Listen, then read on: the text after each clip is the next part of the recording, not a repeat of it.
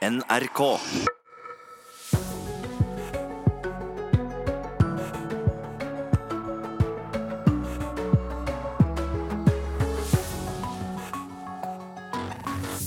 Velkommen til denne mandagens Nyhetsmorgen. Først til noe som har overrasket forskere. Menn er mer villige til å betale mer i bompenger enn kvinner, viser en studie fra Statistisk sentralbyrå. Demokratene fordømmer president Trump etter at han gikk til angrep på flere kvinnelige politikere med utenlandsk bakgrunn. Trump ba kvinnene dra tilbake dit de kommer fra. Presidenten vil gjøre USA hvitt igjen, sier den mektigste demokraten av dem alle, Nancy Pelosi. Dette skal vi snakke mer om i denne sendingen. Og Rettssaken mot mannen kjent som mulla Krekar starter i Italia. Det er i hvert fall planen. Den tiltalte er jo fortsatt i Norge, og rettssaken har blitt utsatt flere ganger. Han er tiltalt for terrorplanlegging.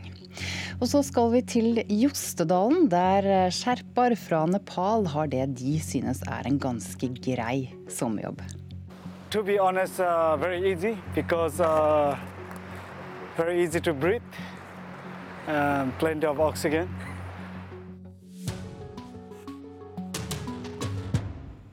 God morgen, jeg heter Ida Creed og er programleder i Nyhetsmorgen i dag.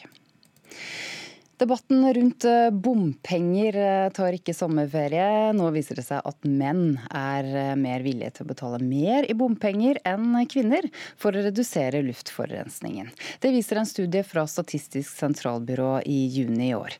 Byrået har undersøkt hvor stor aksept det er i befolkningen for forslag fra regjeringens grønne skattekommisjon. Ikke overraskende, kanskje, vi har sett tendensen lenge. De fleste, 60% er imot økte skatter for å nå klima- eller miljømål, sier forsker Kristine Grimsrud i Statistisk sentralbyrå. Det er en skepsis til eh, skatt som virkemiddel i miljøpolitikken. Selv om skatt kan være det mest kostnadseffektive virkemidlet, så virker det som at det er veldig vanskelig å få gjennomslag for en miljøskatt eller klimaskatt. For å oppnå klimamål? Ja, for å oppnå klimamål eller uh, miljømål. Et av forslagene fra regjeringa sin grønne skattekommisjon i 2015 var å øke bomavgiftene inn til de store byene for å redusere luftforurensninga. Men ei SSB-studie som ble publisert i juni, viser at motstanden mot denne type grønne avgifter er stor. I en nasjonal spørreundersøkelse som byrået har fått gjennomført, svarte seks av ti at de var mot økte bompenger. Én av fire var for å betale mer, mens 18% svarte at de ikke helt visste hva de skulle mene. De som er mest positive til det, er høyt utdannede. De er gjerne bosatt i urbane strøk. De eh, eier gjerne ikke dieselbil, og de er negativt innstilt til bilbruk. Og så kjører de sjelden bil. Og så har de i vår studie ikke stemt Høyre eller Frp ved siste stortingsvalg. Forskningsleder Steffen Kalbekken i Cicero senter for klimaforskning sier til NRK at han kan kjenne seg igjen i tallene. Ja, det samsvarer ganske godt med det vi har funnet tidligere. Viktigste forskning er at det er noe høyere motstand her mot bompenger enn det vi har funnet før. Som kan skyldes at bompengene har økt i en god del norske byer de siste årene. Skepsisen til grønne skatter, som mer bompenger for å få bedre luft, er der til tross for at folk i større grad her hjemme syns det er greit å betale skatter og avgifter enn det som er tilfellet i andre land. Årsaken til at det er slik, er annet at det er små økonomiske forskjeller mellom folk i Norge, mener forskeren. Generelt så ser vi at det ofte er høyere aksept for avgifter i Norge enn i andre land. og Det skyldes nok to forhold. Det ene er at det er høy tillit til myndighetene i Norge. Og andre er at vi har mindre inntektsforskjeller, noe som ofte er bekymring i andre land, men som det er en mindre eh, problematikk i Norge enn i mange andre land. Men mest overraskende er at menn er mer positive til økte bompenger enn kvinner. Det var et resultat som Kristine Grimsrud i SSB forteller at hun måtte både dobbelt- og trippelsjekke for å undersøke at stemte. Vi fant at menn var mer villige til å betale en eh, økt bompengeavgift enn kvinner. Var det noe som overraska deg? Det overraska meg, fordi det er veldig uvanlig resultat i sånne studier som dette her. Mange studier så finner man at eh, kvinner er mer villige til å betale for eh, miljøtiltak enn menn. Og reporter Johanne B. Settem som hadde sett nærmere på disse tallene.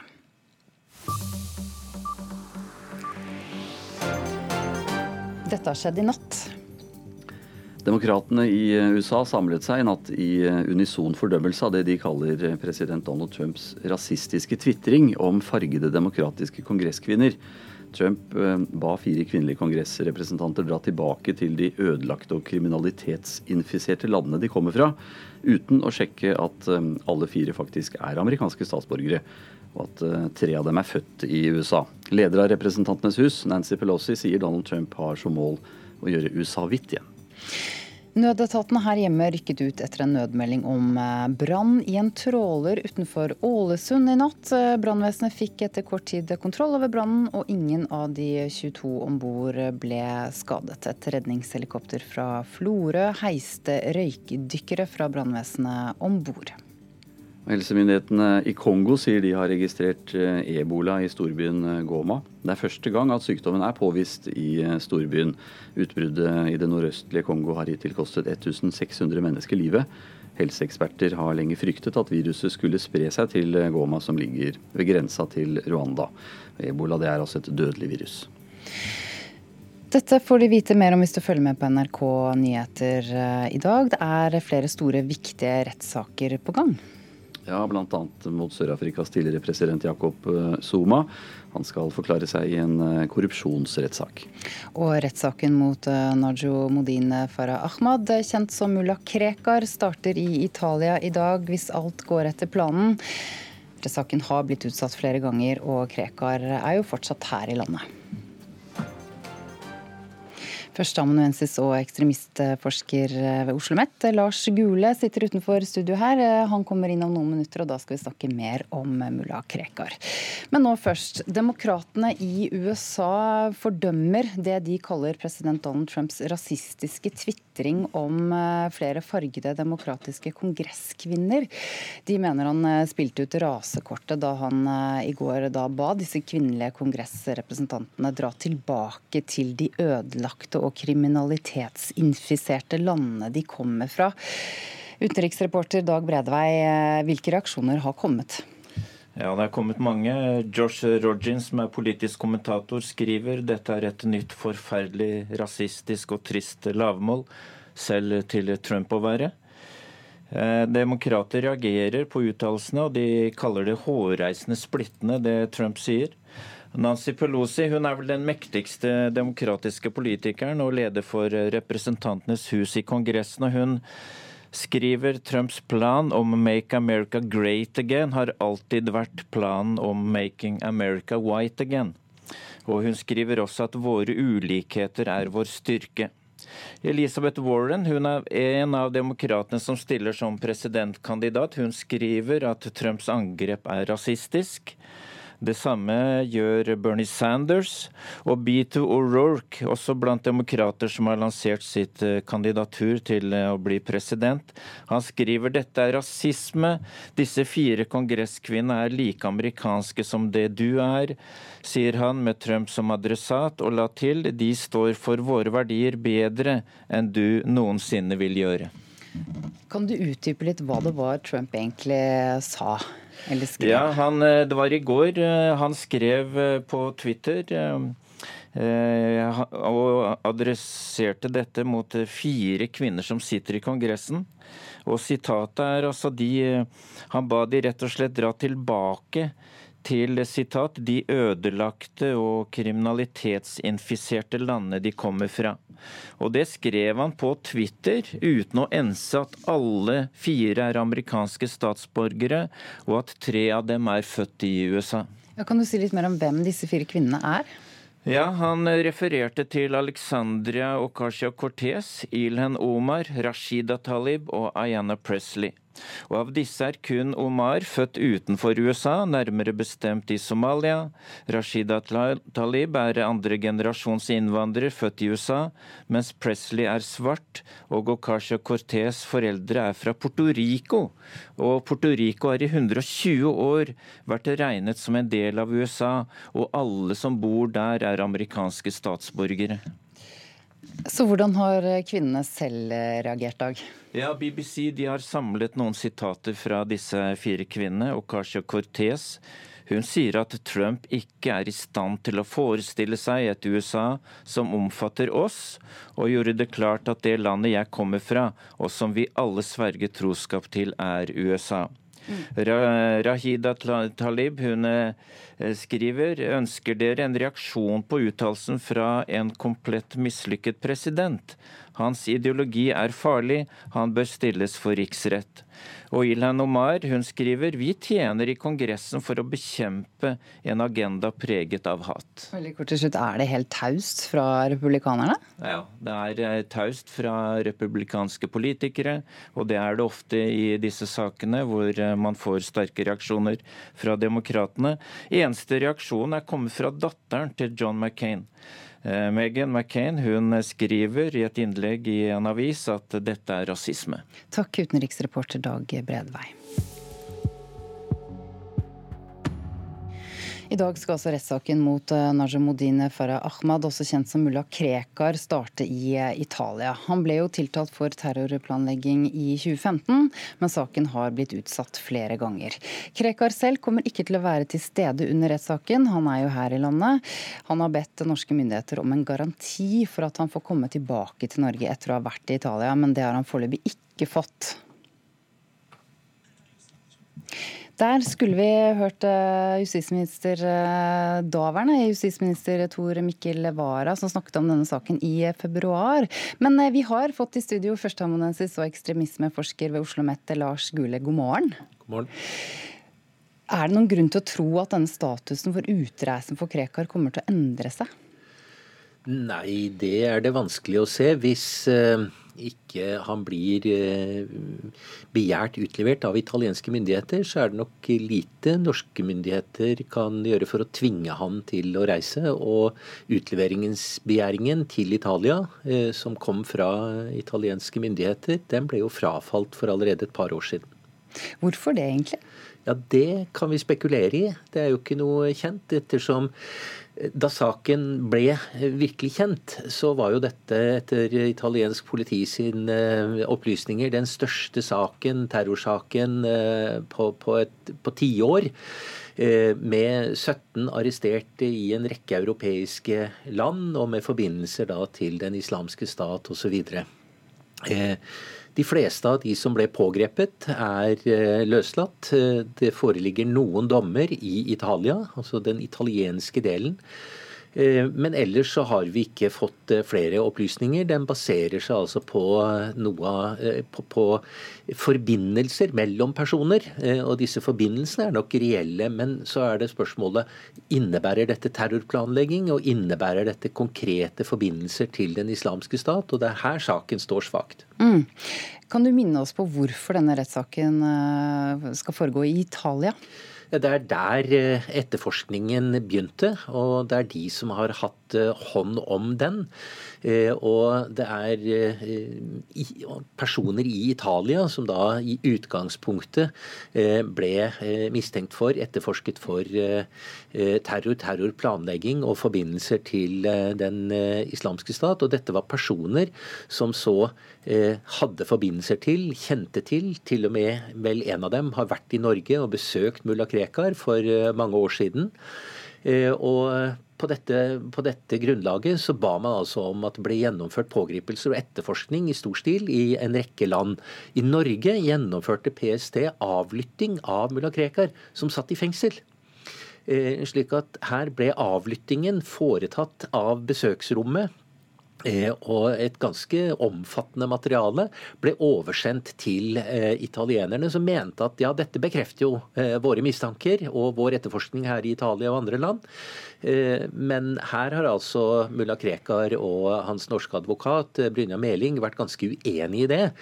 Og Saken har jo da i forbindelse med utlevering til Italia vært prøvd i norsk rett, og en del av materialet har blitt lagt fram der. Og det synes ikke å være veldig sterkt, for å si det slik. Nå har denne, eh, denne rettssaken altså blitt utsatt flere ganger. Eh, tror du at den kommer til å starte opp i dag? Det syns jeg det er veldig vanskelig å si noe om. I så fall starter den jo da uten mulla Krekar til stede. Nå har man den muligheten i italiensk rett til å føre en sak mot personer in absentia, altså i deres fravær. Det er ikke noe vi vanligvis gjør i Norge i hvert fall, men, eh, men, men muligheten finnes der. Og hvis italienske myndigheter nå er lei av saken, så kan det hende at de forsøker å sette et punktum ved å få den eh, avviklet. men det kan også komme en ny utsettelse. Vi følger med, og kanskje du er tilbake snart her i studio. Takk så langt, førsteamanuensis og ekstremismeforsker ved Oslo OsloMet, Lars Gule.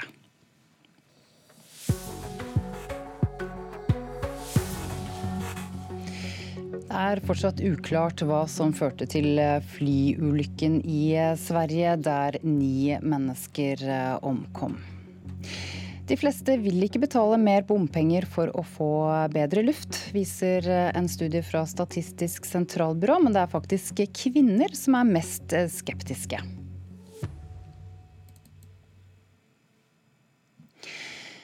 Nærmere fire av ti foreldre føler et press for å reise bort i ferien, slik at barna skal ha noe å snakke om når de kommer tilbake på skolen. Det kommer frem i en undersøkelse fra mai 2019 som Ipsos har gjennomført på vegne av DNB. Foreldre NRK har møtt føler ikke på dette presset, men de synes det er leit at mange andre føler det. Jeg føler jo at det er jo en uting. Det er ikke nødvendig at folk skal føle på feriepresset. Jeg tror det er blitt sånn i større grad nå enn før. Ikke helt bare å være til Sverige og, og sånn, da. Det her er jo opp til foreldra å ta grep, egentlig. Syns jeg. En endring i år fra tidligere undersøkelser viser at det nå er foreldre til barn mellom seks og ti år som føler størst press. Før var det foreldrene til de eldre barna. Ingjerd Blekeli Spiten i DNBs personmarked har forklaringen. Det går godt i Norge, og eh, sosiale medier er jo også med på at vi deler opplevelser. Og eh, man spør ofte når barna kommer tilbake skolen, på skolen eller i barnehager hva har skjedd i ferien. Man deler eh, alt hva man skal gjøre. Og da ønsker man å være med på den galeien. Undersøkelsen viser at det er de som tjener minst som føler på det største presset. I tillegg er det de som ikke skal på utenlandsferie, men som har Norge som ferieland, som føler på at det ikke er ferie god nok. Nå må foreldrene slutte å legge press på hverandre, mener Spiten. Jeg tror det er vi voksne som eh, nettopp setter presset eh, kanskje på oss selv. Og når vi spør barna, så er det andre opplevelser de kanskje ønsker seg mest. Så jeg tror det er vi voksne som er nødt til å ta større ansvar for ikke å legge, legge stort press på andre voksne. I skjærgården i Tønsberg i Vestfold finnes en paradisøy utenfor Tjøme. I over 100 år har øyen tatt imot over 175 000 barn på ferie hver sommer. Ingen mobiltelefoner eller dataspill er lov, og han som er daglig leder i stiftelsen Hudøy, Finn Edvin Brøndal, vet hvorfor denne øyen er ferien over alle ferier for barn. Den er bygd bare for barn. De bor på sovesaler. De får tildelt køya sitt og bor sammen med en del andre barn som de kanskje ikke har sett. Så spiser de i spisesaler på krakker. De er sammen om mat, de er sammen om aktivitetene. Det enkleste ser altså ut til å være det beste for barns ferieopplevelser. I alle fall der ferien er styrt spesielt etter barnas behov og ikke er voksenstyrt aktivitet. Og i år skal vi bruke om lag 20 000 kroner i snitt på ferien. Det er en nedgang til 2017-nivået. Så å ta med små barn på lange, dyre ferier er bortkastet, råder en feriegjest. Ikke ta dem på fly, for de bare bråker. Eh, hvis de er veldig små, kommer de til å glemme det veldig fort. Ingen som kommer til å huske det ting som de dro på ferie da vi var små barn. Eh, og heller dra til et kjørt kjør et fint sted i Norge. Vi har nok av ting her i landet som er fint å se på. Reportere her var Kristine Næss Larsen og Tor Albert Frøsland. Da har vi med oss forfatter og fagansvarlig i Unicef Norge, Kristin Audmeier. Hei. Der er du. Vi har snakket om dette temaet før. Hvordan reagerer du på at nesten fire av ti foreldre sier de føler på dette presset om å reise bort i ferien? Ja, dette er en veldig kjent problemstilling for oss i UNICEF. Vi har ganske god innsikt i og kontakt med mange foreldre som alltid i forkant av sommeren gruer seg og kjenner at uroen melder seg, eh, fordi de har en opplevelse av å ikke kunne gi barna sine den sommerferien som de har en forestilling om at barna trenger og også fortjener. Og dette handler i stor grad, som det også ble sagt om i saken, at man opplever et stort press, og at det å reise bare i Norge, eller bare det å være sammen og gjøre noe utenom det vanlige, ikke er godt nok i andres øyne. Men det er vel også viktig for barns lykke å ha en god og sosial sommerferie? Det er vel ikke bare noe foreldrene innbiller seg, det er vel ikke bare press? Nei, det er helt riktig. Men for barn så er det ikke så viktig hvor dette samværet skjer. Det som er viktig for barn, er at de har trygge, gode relasjoner. At de kan få et lite friminutt fra bekymringer de kanskje har ellers. Men om det skjer på hytta, om det skjer eh, i skogen eller på stranda, det har egentlig ikke så veldig mye å si for barn. Det de trenger, er nærhet til trygge voksne. Og de trenger gode opplevelser å fylle minneboka si med. Det er eh, gjerne de som tjener minst som kjenner på mest eh, press når det gjelder dette. Eh, dere har et tilbud dere i UNICEF. Hva går det ut på? Ja, Vi har feriesentralen.no, som rett og slett er en slags ferienes finn.no hvor vi samler det vi kan komme over av eh, gratis utlån, eh, gratis billetter, folk som ønsker å låne bort hyttene sine eller gi bort eh, billetter de selv ikke får brukt. Det kan også være bedrifter som ønsker å gi bort ferieminner. Alt dette samler vi på feriesentralen.no, og så kan man gå inn der, orientere seg og se hva som eh, skjer, om det er noe som passer for sin familie, og så ta direkte kontakt med den som, som ønsker å gi bort et uh, ferieminne. Og så er det også en egen ønskeside på feriesentralen hvor man kan legge igjen ønskene sine. F.eks. vi har lyst til å låne en hytte i Gudbrandsdalen i uke 33. Er det noen som har noe å låne bort? Så vi er rett og slett en eh, formidler av gode gratis ferieopplevelser. Hvordan er pågangen eh, denne sommeren? Vet du hva, Det er rekordstor pågang. Eh, nå har feriesentralen vært åpen i fire uker. Og i løpet av disse fire ukene så har vi hatt i underkant av 22 000 unike besøkende. Og så langt, vi gjorde en liten opptelling i går, så er det 90 familier som har fått et uh, tilbud gjennom feriesentralen. Og det vil si at det er rundt 300 personer også som så langt har uh, fått et uh, hyggelig ferieminne som de kanskje ellers ikke ville ha fått. Nå er det midten av juli allerede. Er det for sent å finne gode ferietilbud på nettet hos dere eller andre steder? Nei, det er det ikke. Eh, på feriesentralen så vil det fortsette å dryppe inn tilbud helt fram til eh, skolestart. Eh, så vår oppfordring er å følge med hver eneste dag, for det kommer ut noe nytt. Enten det er i form av gratis inngang på museer eller festivaler eller hytteutlån osv.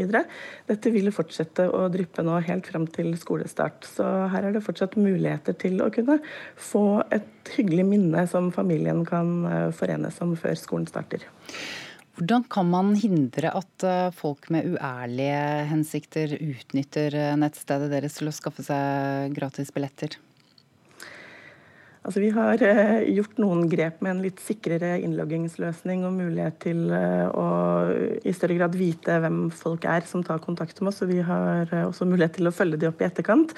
Men det er klart at vi har ikke en fullstendig kontroll på dette. Det må vi jo bare innse. Dette er bygget på gjensidig tillit mellom de som ønsker å bidra til at noen skal kjenne mindre feriepress og få et lite friminutt, og mellom de som da ønsker og trenger et friminutt fra en ellers vanskelig hverdag. Og så er vår holdning at om det er en og annen som, eh, som, lurer til seg noe de kanskje kunne hatt råd til selv, så, så, får det så være. Vi har en grunnleggende tro på at uh, terskelen er ganske høy i utgangspunktet for å ta kontakt. Det er i hvert fall vår erfaring gjennom mange år nå.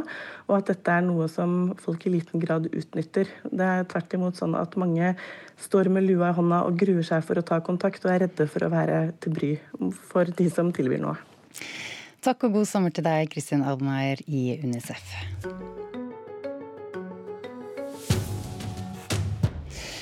Til vanlig er jobben deres å gå Mount Everest og de andre høyeste toppene i verden. Men om sommeren guider de bussturister på Nygardsbreen i Sogn. Bli med til Jostedalen, som blir et lite Nepal om sommeren. Nepalske Tsering Pande Bote og Furtemba Sherpa diskuterer hvordan de skal lage til ruta i isen på Nigersbreen, slik at det er trygt og enkelt for turistene å gå der på de guidede turene som begynner om noen timer. Vi skal lage den litt ned her og opp igjen, så blir det litt lettere for gjestene, så de ikke trenger å hoppe over bresprekken. Sjøl om Nigersbreen har sine farer, så er det blåbær for fjellførerne fra Nepal. Her i Jostedalen, innerst i Sogn, har de funnet sin perfekte sommerjobb. Resten av året er vi i de store fjellene, så tre måneder her er som ferie. I år er ni av guidene til Jostedalen breførerlag fra Nepal. Åtte av dem har vært på toppen av Mount Everest. Mount Everest only seven times. Only seven times? Is that few? Selv om han etter egne ord bare har sju turer til Mount Everest, så er det trygt å si at han ikke er noen lettvekter i fjellet. Når han ikke er guide på verdens tak, så jobber han som redningsmann i Himalaya. Sering og Furtemba er ferdige med å klargjøre ruta. Og så kommer de spanske turistene, og mange av dem i dongeribukse og småsko. Men med ei tilrettelagt rute opp på isen, så går det bra likevel. Medan spanjolene er på isen med en annen Everest-guide, tar Tsering seg en pust i bakken og nyter et av frynsegodene sommerjobben har, som Mount Everest aldri vil kunne tilby. To be honest, uh, very easy because uh, very easy to breathe, um, plenty of oxygen. Reporter her var Sondre Dalaker.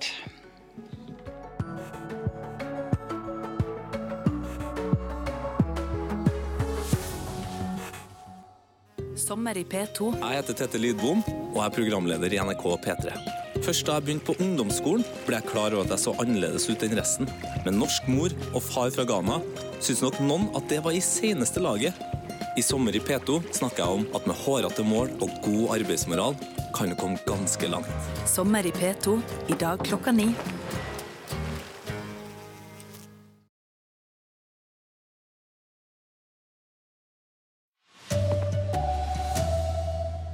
Kvinner er mindre villige enn menn til å betale mer bompenger for å få bedre luft, viser studiet. Donald Trump kritiseres for rasistisk tvitring. Foreldre føler feriepress, viser undersøkelse. Barna må ha en ferietur å snakke om ved skolestart. Her er NRK Dagsnytt, klokka er 7.30. Menn er altså mer positive til å betale mer bompenger for å få bedre luft i de store byene enn kvinner. Det viser en studie fra Statistisk sentralbyrå. Byrået har undersøkt hvor stor aksept det er i befolkningen for forslag fra regjeringens grønne skattekommisjon. Mange er skeptiske, forteller forsker Kristine Grimsrud i Statistisk sentralbyrå. Selv om skatt kan være det mest kostnadseffektive virkemidlet, så virker det som at det er veldig vanskelig å få gjennomslag for en miljøskatt eller klimaskatt. Et av forslagene fra regjeringa sin grønne skattekommisjon i 2015 var å øke bomavgiftene inn til de store byene for å redusere luftforurensninga. Men ei SSB-studie som ble publisert i juni, viser at motstanden mot denne type grønne avgifter er stor.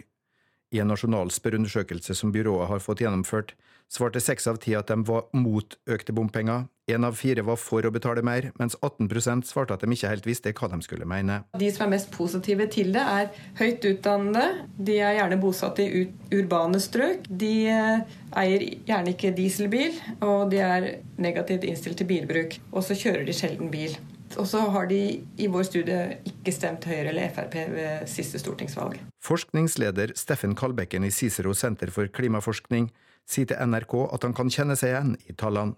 Ja, det samsvarer ganske godt med det vi har funnet tidligere. Viktigste forskning er at det er noe høyere motstand her mot bompenger enn det vi har funnet før. Som kan skyldes at bompengene har økt i en god del norske byer de siste årene. Men mest overraskende er at menn er mer positive til økte bompenger enn kvinner. Det var et resultat som Kristine Grimsrud i SSB forteller at hun måtte både dobbelt- og trippelsjekke for å undersøke at stemte. Vi fant at menn var mer villige til å betale en eh, økt bompengeavgift enn kvinner. Det overraska meg, fordi det er veldig uvanlig resultat i sånne studier som dette her. Mange studier så finner man at eh, kvinner er mer villige til å betale for eh, miljøtiltak enn menn. Reporter her, Johan B. Settem. Demokratene i USA fordømmer det de kaller eh, president Donald Trumps rasistiske tvitring om eh, fargede demokratiske kongresskvinner. Utenriksreporter Dag Bredvei, du har kommet til studio. Hva er det Trump tvitret? Ja, Donald Trump eh, han tvitret om fire kvinnelige kongressrepresentanter, og han ba de dra tilbake til sitat, de ødelagte og kriminalitetsinfiserte landene de kommer fra. Og det skrev han til tross for at dette er politikere som selvfølgelig har amerikansk statsborgerskap.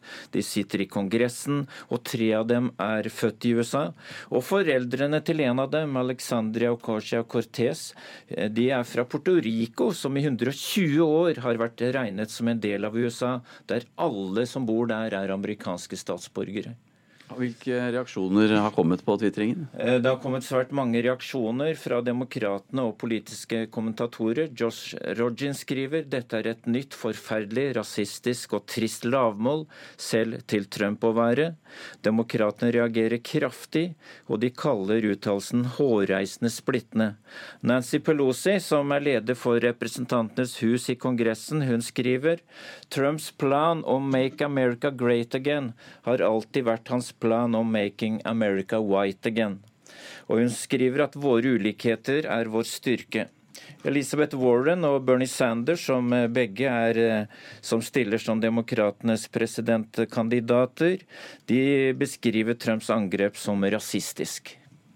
Takk skal du ha, utenriksreporter Dag eh, Bredvei. Altså Donald Trump får kritikk fordi eh, han har bedt fire kvinnelige kongressrepresentanter dra tilbake til, som han sa, de ødelagte og kriminalinfiserte landene de kommer fra. Den siste tiden så har Arbeidstilsynet her hjemme undersøkt jordbærutsalg i Telemark etter tips om eh, dårlig hygiene og sanitærforhold flere steder. Under kontrollene så ble det avdekket flere kritikkverdige forhold ved enkelte utsalg. Bl.a. manglet flere av selgerne tilgang på toalett og rent vann. Har du de kasse? Ja. ja. hva så god! Vietnamesiske Trinn Ti Kim Ly selger jordbær på Vallemyren i Porsgrunn.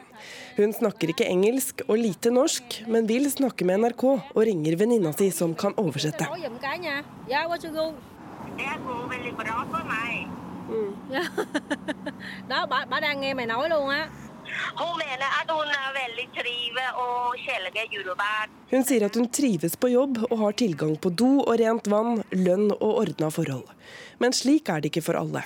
Arbeidstilsynet har kontrollert utsalgssteder og finner flere kritikkverdige forhold, sier tilsynsleder i Arbeidstilsynet i Sør-Norge, Bjørn Tore Hansen. Vi så jo eh, ved selvsyn eh, faktisk at en person da gikk, tok med seg papir, eh, en mann, inn i noen busker som da var i nærheten, og, og blei borte en tre-fire minutter. Og kom tilbake igjen og fortsatte å selge jordbær. og og han hadde jo ikke noe muligheter til å få vaska seg på hendene, bl.a. Det så jo ikke greit ut. Arbeidstilsynet ga straks pålegg om at arbeiderne må ha tilgang på sanitærforhold og rent vann, noe som ble ordna kort tid etter.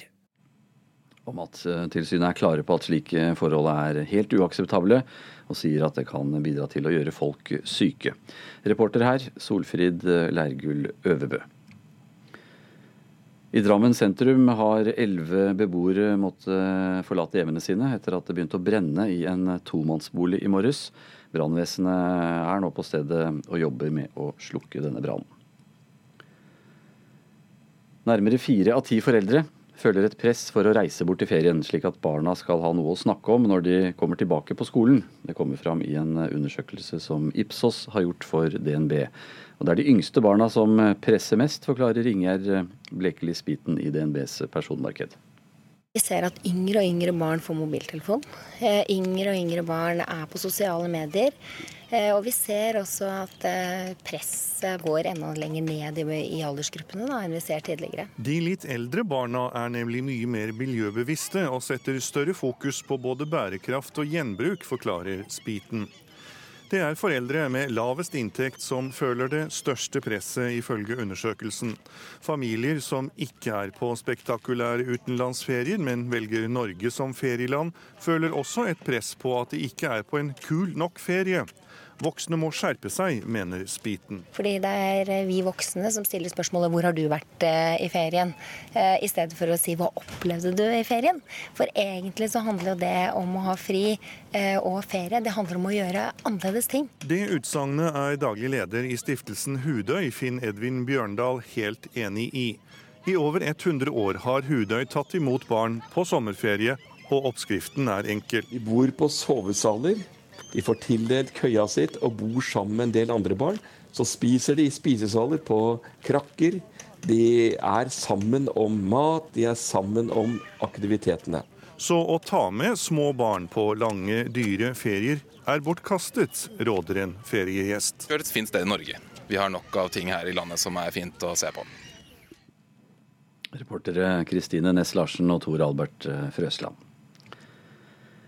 Mangelen på lastebilsjåfører er eh, økende. Ifølge Norges eh, lastebileierforbund så mangler Norge nesten 1000 sjåfører, og det utdannes både for få lærere og sjåfører. Men i Alta-firmaet Lasting og Transport, der strekker de seg langt for å beholde de gode sjåførene. Ja, jeg fikk liksom eh, bygge denne bilen akkurat som jeg ville ha den. Både innvendig og alt utvendig. og Han har bare sagt 'bare bygg'. Det sier Rudi Nærum i det som må kalles en ganske spektakulær trailer med Apple TV og en dobbeltseng som kan senkes ned fra taket. Sjefen til Rudi, Tor Charles Vekve, sier det er svært vanskelig å få tak i gode sjåfører. Derfor har flere av sjåførene fått grønt lys til å bygge bilen slik de selv vil ha den. Hvis man skal ta fra en skala fra 0 til 100, så er det ikke mange som som er opp mot optimal, for å si det på den måten. Administrerende direktør i Norges Lastebileierforbund, Geir Mo, sier det blir vanskeligere og vanskeligere å få tak i sjåfører, både i Norge og Europa. Med et voksende transportbehov kommer firmaene til å trenge mange nye sjåfører. Når vi spør våre bedrifter, så har de hatt en, en ganske stor økning i antall ledige stillinger de siste årene. Rudi Nærum er i hvert fall sikker i sin sak. Han har drømmejobben. Det er liksom ikke det samme hver dag. Fra syv til tre, liksom. Hjemme og lage middag og sure kjerringer som står der og Uff, jeg vet ikke. Her, her er jo livet. Reporter her, det var Erik eh, Andreassen. Elin Petersen har ansvaret for NRK Dagsnytt i dag. Jeg heter eh, Anders Borgen Werring.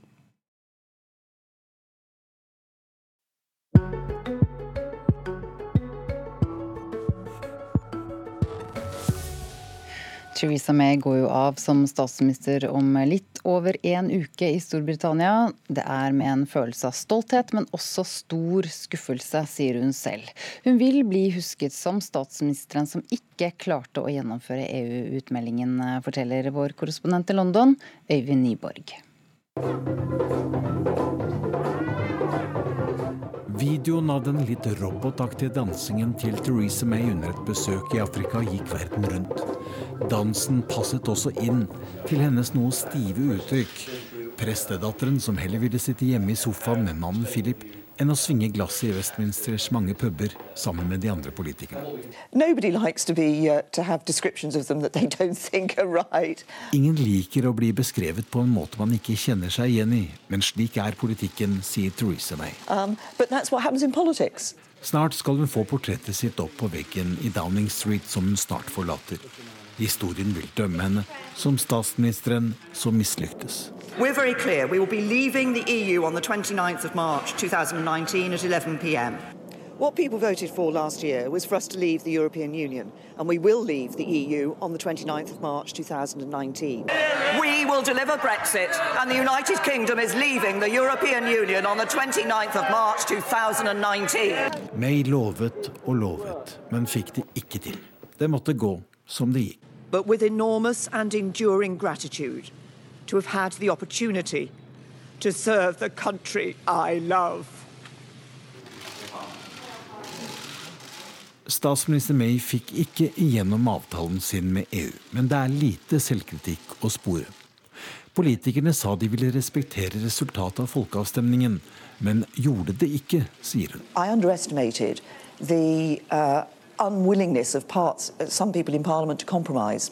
Jeg undervurderte politikernes uvilje mot å inngå kompromisser, sier May. Order!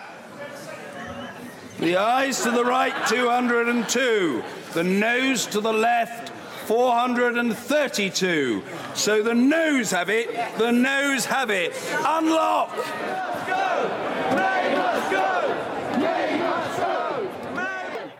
Statsminister May fikk hard medfart på andre områder også. Etter Grenfell-katastrofen var mange forbannet for at hun ikke ville møte de pårørende ansikt til ansikt. Og hun måtte håndtere alvorlig terrorangrep i 2017. I have just chaired a meeting of the cabinet where we agreed that the government should call a general election to be held on the 8th of June. Men det gikk skikkelig galt etter at hun utlyste nyvalg. Regjeringen mistet flertallet og styringsevnen. No, no, I don't regret calling the election. I, I regret um, running a campaign that wasn't really me. Jeg angrer ikke for at vi skrev ut nyvalg, men jeg angrer for at jeg drev en kampanje som ikke var helt meg, og for at jeg ikke stilte opp på TV, sier May.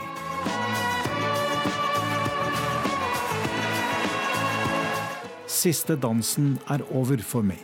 Om kort tid leverer hun nøklene til nummer ti til en mann. I think it'll be a mixture of pride at having done the job, um, but also uh, a degree of disappointment because there was more that I wanted to do. Jeg håper folk husker meg for at jeg gjorde det jeg gjorde til nasjonens beste, sier May. You know, I hope that whoever were leavers or remainers, whatever they felt, I hope that they will feel that in everything I've done, I've always done what I believe to be in the national interest. Øyvind Nyborg, London.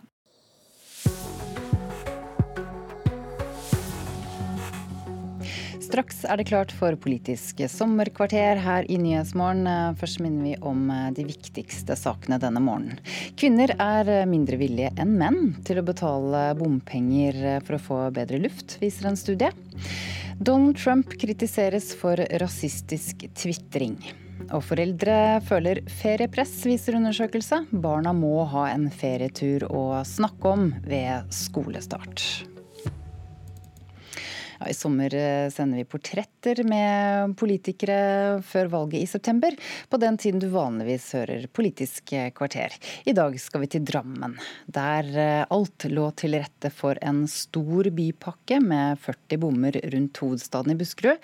Slik ble det ikke, for eh, bompengeopprøret har også satt sitt preg på Norges sjuende største by. En av dem som har gjort helomvending i denne saken, er Høyres ordførerkandidat Fredrik Håning.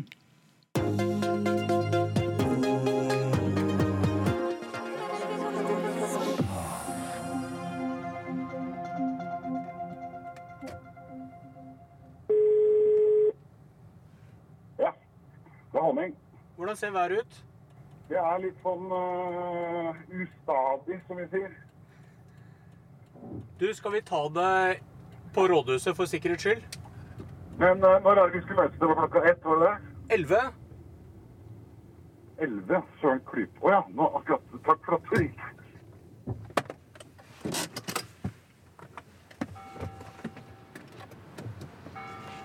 Halvparten av Drammen rådhus ser ut som en borg fra middelalderen. Med tårn, buede vinduer, hvite ornamenter, våpenskjold med sverd og krone. Den andre halvparten er smeltet sammen med borgen, men er et firkantet kontorbygg med helt like firkantede vinduer. Et salig arkitektonisk kaos. Eller et perfekt bilde på politikkens vesen. Store visjoner møter byråkratiets ordenssans. Hei. Hei. Du, nå sitter vi i, eh, i rådhuset i Drammen, som er et uh, gammelt og historisk bygg. Akkurat nå så sitter vi i den delen som var fengsel opprinnelig. Fredrik Haning er Høyres ordførerkandidat i nye Drammen. Der det store stridsspørsmålet i vår har vært bompenger. Høyre var for bom, nå er de mot bom. I perioden fra 79 og nå fram til 2019 så har jo da Høyre vært i eh, posisjon eh, sammen med andre partier eh, hele veien. Eh, nå er det jo sånn at vi skal slå oss sammen med to andre kommuner. Eh, vi eh, danner ny kommune fra 1.1.2020 med, med Nedre Eiker og, og Svellevik. Og det er jo litt andre politiske saker og litt annen politisk Hva skal vi si for noe? Det er forskjellige det, er, det er forskjell på Drammen og på, på Nedre Eiker. Nedre, I Nedre Eiker står nok Arbeiderpartiet f.eks. sterkere enn de gjør i Drammen, tradisjonelt sett. Men det kan slå alle veier. Og så er det jo en del saker nå som, som er veldig avgjørende. Hvis du passerer en bomring, betaler du det med glede eller forbannelse? Jeg personlig har ikke noe imot å betale bompenger. Eh, men nå er jeg da i en eh, heldig eh, situasjon økonomisk. Det, det er ikke noe som, som, gjør den store forskjellen på meg og vår families hverdag. Men jeg ser jo at det er mange som, som ikke har økonomi som gjør det lett å, å forsvare, særlig når det kommer da veldig høye bompengesatser. Men så er det jo også sånn at bompenger har to funksjoner. Det ene er jo da å finansiere både veier og i bomringsammenheng så er det jo også å finansiere andre tiltak, sånn som kollektiv, gang og sykkel. Uh, og det er jo det da å i tillegg da å forhindre at uh, man får en uh, stor utvikling i antall biler. Uh, det, jo rett, det er jo rett og slett et plastproblem også, selv om vi nå går over til elektriske biler. Eh, jeg tror det har kommet noe sånn som 500 000, altså en halv million flere biler i Norge siden 2010. Eh, og de kommer jo stort sett i de sentrale områdene, så vi får etter hvert utfordringer på plassen. Hvis du møter en velger ute på torget her nå, usikker på hva de skal stemme på til høsten, eh, hva kan du si helt konkret? Hva er de konkrete valgløftene fra Høyre? Ja, Det er veldig enkelt å kaste seg på enkeltting. Eh, F.eks. love at man skal bygge en idrettshall, eller at man skal gjøre det ene og det andre. Det som er hovedsaken nå eh, ved dette valget, det er at vi skal i fellesskap skape en ny kommune fra 1.1.2020. Eh, og Da blir det å få den samfølelsen, altså bygge den nye identiteten for alle innbyggerne. Og at ingen, uansett hvor man er i kommunen, føler at man er på utsiden. Eh, det er jo sånn at Vi har jo da et ganske mye større geografisk område enn tidligere. Og Det er viktig at de som da i dag bor i det som nå er Svelvik kommune, og at de som bor nord i Nedre Eike kommune, føler at de er en likeverdig del av den nye kommunen. Men, men tror du denne velgeren ble noe klokere nå på om jeg skal velge Arbeiderpartiet eller Høyre? For dette er det vel ingen som er uenig i? Nei, men det er litt forskjellig fremgangsmåte for hvordan vi skal nå det målet. Eh, fordi her i Drammen så har Høyre som sagt sittet i posisjon i veldig mange år. Eh, og vi har klart å bygge et, eh, en veldig bra kommune. Både når det gjelder tjenester og økonomisk. Man har vel ikke kanskje vært like heldig i de to andre kommunene på, på særlig det siste punktet. Og for å kunne ha en god kommune hvor vi kan gi våre innbyggere gode tjenester, så er vi nødt til å ha en ryddig og ordentlig økonomi. Og det er jo en av hovedsakene til Høyre. Men jeg er enig i det. Det er ikke det som er mest eh, appellerende eller sexy, hvis du kaller kalle det det. Det er jo de feite valgløftene. Eh, og i så måte så har vi eh, plukket ut fem områder som vi sier er viktige for oss etter å ha gjennomført eh, undersøkelser blant eh, våre potensielle velgere. Og det er skole og oppvekst. Det er helse og omsorg. Det er miljø, og da tenker vi spesielt på lokalmiljøet. Altså eh, luft og luftkvalitet og forurensning, søppel, plast og alt dette her. Så er det mm, dette med bomring, som er veldig, veldig mm, fokusert om dagen. Eh, der sier vi klart nei til en bomring i og rundt eh, Drammen. Og så er det dette med, med, byutvikling og stedsutvikling i hele den nye kommunen.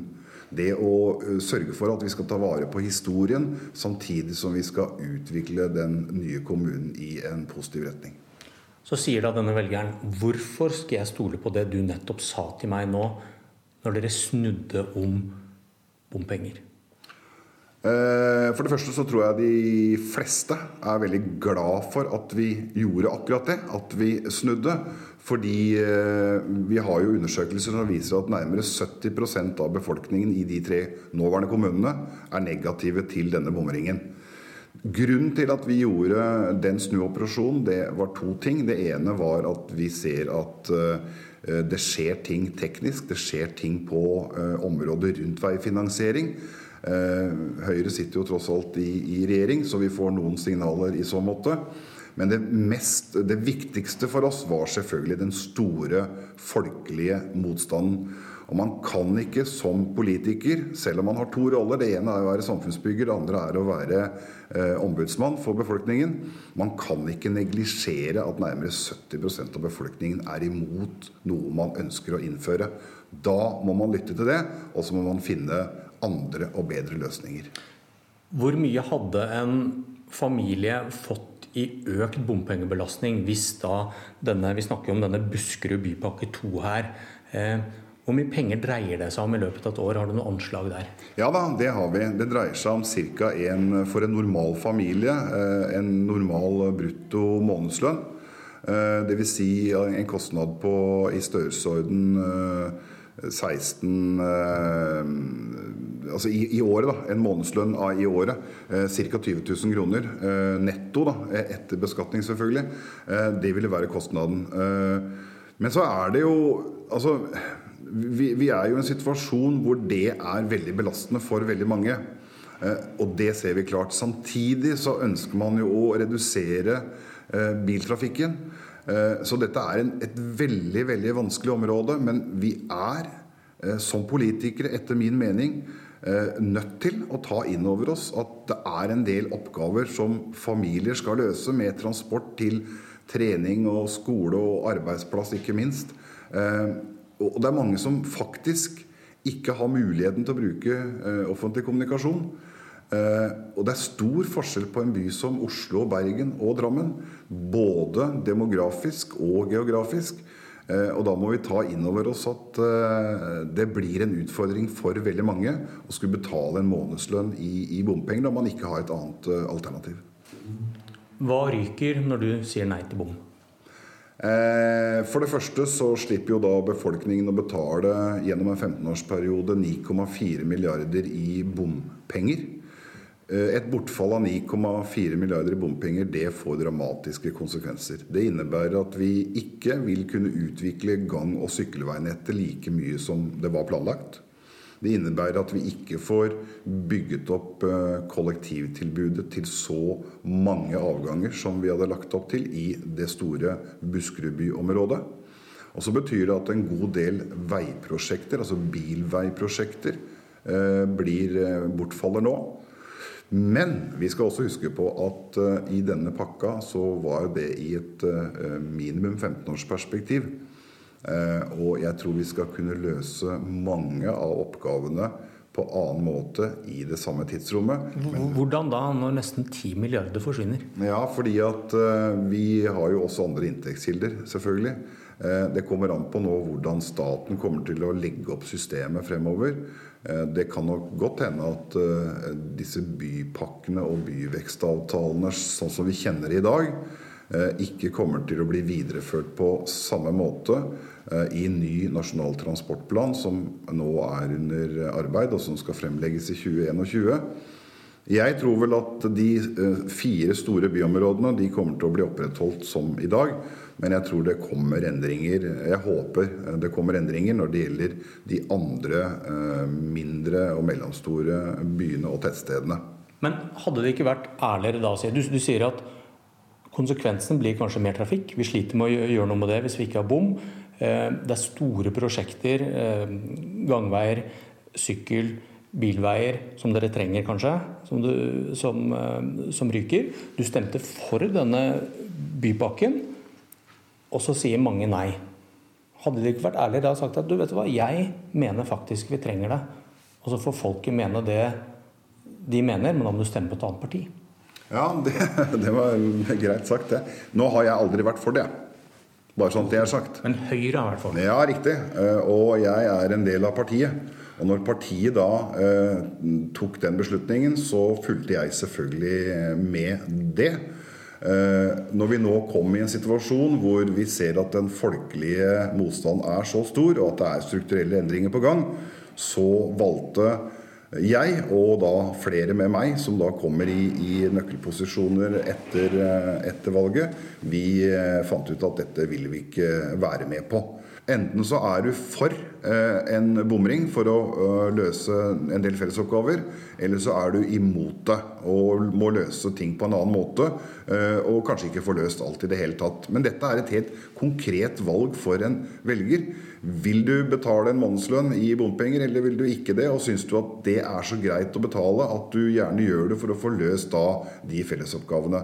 Dette er, dette er jo på sett og vis et skattespørsmål. Hva sier du til de som sier at dette er rein populisme? Høyre snur fordi dere er redd for å miste velgere til et nei til bomparti.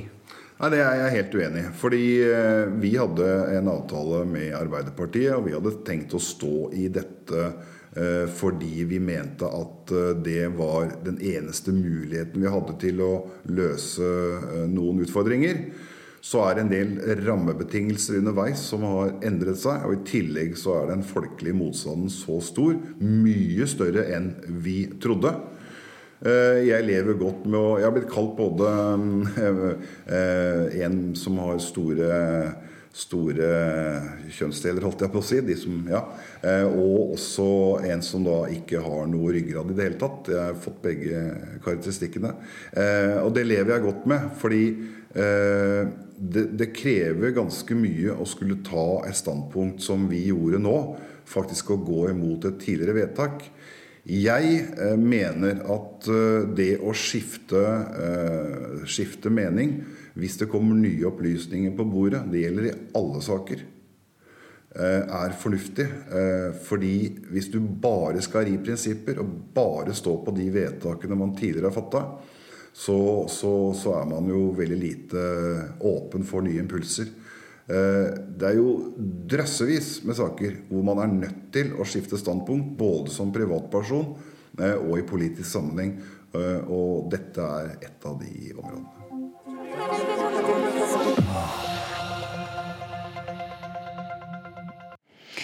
Reporter her var Bjørn Myklebust, og du kan høre alle sommerportrettene som podkast hvis du søker på Politisk kvarter. Nå er Anders Borgen eh, Væring eh, klar med siste nytt her i eh, Nyhetsmorgen. Studio 2. En av de fem største truslene mot verdens økosystemer kan finnes i din egen hage uten at du visste det. I dag snakker vi om plantene som blir svartelistet, og som kan gi fengselsstraff hvis du kjøper de. Studio 2 fra 16 til 18 på NRK P2.